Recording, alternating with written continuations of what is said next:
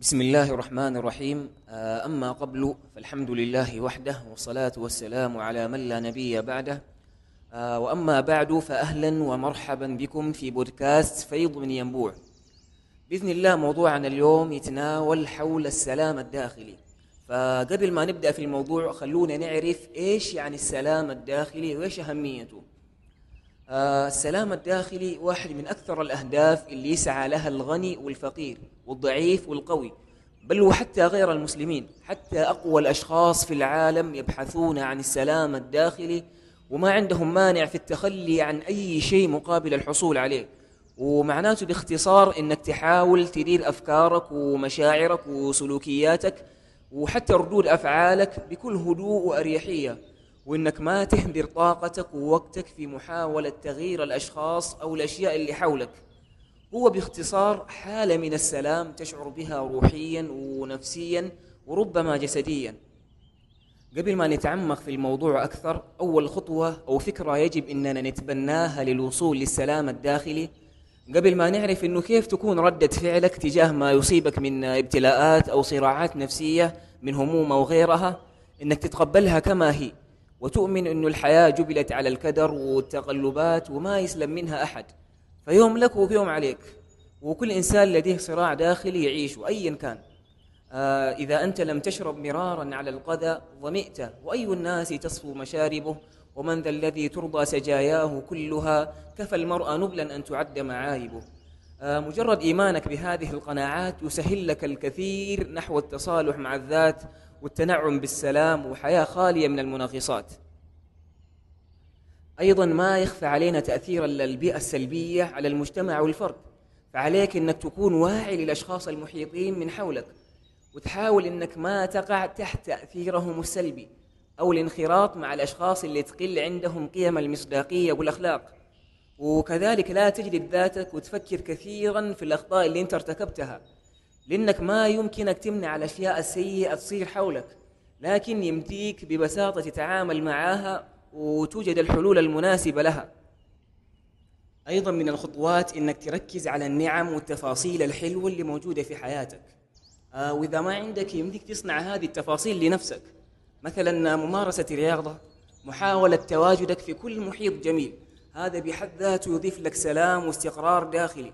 التدرب على الأمور الروحية الخشوع التدبر. وانت تقرأ القرآن تتفكر في التفاسير العميقة اللي في بعض الآيات. اللي مجرد ما تعرف التفسير تحس وكأن الإيمان نزل على قلبك. قوة الارتباط بالله عز وجل وتخفيف الارتباط بالأشخاص والأشياء بحيث ما تجعل سعادتك مرتبطة بها. شيخ الإسلام بن تيمية آه، أعداء الإسلام سجنوه ومنعوه من التعليم. وكل هذه الأشياء اللي سووها ما أثرت فيه. حتى أنه كان يقول جنتي في صدري ما يفعل أعدائي بي. سجني خلوة ونفي سياحة وقتلي شهادة. فحتى هم محتارين إيش يسووا فيه. فمهما تجيك من صراعات إذا أنت مرتبط بعد الله عز وجل بالسلام في داخلك ترى بتهون في عينك كل المصائب وكل الأشياء. كذلك تعلم أن تعيش اللحظة اللحظة اللي أنت فيها. البعض يدخل في صراعات وأوهام في داخله لا يمكن أن تحدث أبدا إنما هي موجودة فقط في داخله التفكير المستمر والمبالغ فيه لأحداث الماضي أو المستقبل آه، يشعرك بالقلق لدرجة أنك يمكن أن تفقد عقلك بالإضافة أنه يغيب عنك حلاوة الحاضر اللي أنت فيه. وناهيك أنه يحول بينك وبين الاستمتاع باللحظات الجميلة اللي أنت فيها. يجب أنه يكون تفكيرك منصب على اليوم اللي أنت بتعيشه والأشياء اللي أنت بتقوم بها في هذا اليوم. بدلا من الاستغراق في التفكير في أشياء اللي كان المفترض أنها تصير أمس أو الأشياء اللي ممكن تحصل مستقبلا. وحفاظا على السلام الداخلي نحتاج بين كل فترة وأخرى أننا نذكر نفسنا بأن الله ما يفعل شيء سيء. فالمكان اللي أنت موجود فيه الآن هو أنسب مكان لك في الفترة الحالية. والمكان اللي حتكون فيه بعد فترة بيكون هو أنسب مكان لك في ذيك الفترة. والقرارات الخاطئة اللي انت سويتها ما كانت إلا درس عشان تتعلم منه. والمواقف الصعبة اللي انت تشوفها ابتلاء الغرض منها تحفيزك وتشجيعك عشان تكمل الطريق. والصديق اللي هجرك أو تغير عليك ربما أنه ما كان لك فيه خير فعشان كذا الله أبعده عن طريقك. والأشياء اللي أنت تمنيتها وما حصلت عليها ربما أنه ما كان فيها خير. أن تؤمن أنه جميع الأشياء السيئة اللي حصلت لك ما جات إلا عشان تحميك من أشياء أشد منها سوء. وما أخذ منك الله أشياء إلا عشان يعوضك ويعطيك, ويعطيك الأفضل وفي الوقت المناسب. اعتقادك لهذه الأشياء يخليك تجعل الدنيا في يدك وليس في قلبك. وكما قيل ليس الزهد ألا تملك شيئا بل الزهد ألا يملكك شيء. والعاقل يفهم هذا الأمر فما يجعل تعلقه بالأشياء بل برب الأشياء. وكمان خلي تفكيرك بالمتاح اللي في يدك واللي عندك واللي تقدر عليه. آه بدلا من التفكير في الأشياء اللي عند الناس واللي في أيدي الناس والنعم اللي عندهم. آه في قصة تذكر قديما لإثنين كانوا مسافرين. فقال واحد للثاني آه بما إننا مسافرين خلينا نتكلم ونتمنى أشياء حتى إنه ما نحس بمسافة السفر والمشقة. فأول واحد بدأ وأتمنى قال أنا أتمنى آه قطيع من من الغنم مجموعة كبيرة من الأغنام حتى أستفيد من لبنها وصوفها وأبيعها. والثاني آه صاحب هذا وهو العجيب قال هو يتمنى مجموعة من الذئاب عشان تهجم على الأغنام اللي أتمناها صاحبه وتأكلها كلها وما تبقي أحد ما تبقي ولا شيء. فأتعجب هذا صاحبه قال له ليش يا أخي طيب؟ انت يمديك تتمنى جمل يمديك تتمنى بقر اي حاجة ثانية. يعني مو شرط انك تتمنى ان تزول النعمة اللي عندي. فحاول معاه صاحبه عدل بدل لا هو مو راضي إلا الذئاب هذه عشان تهجم على الأغنام حقت صاحبه وتأكلها كلها. فهنا هو جعل سعادته مرتبطة بالأشياء اللي عند الناس وبزوال النعم اللي عندهم.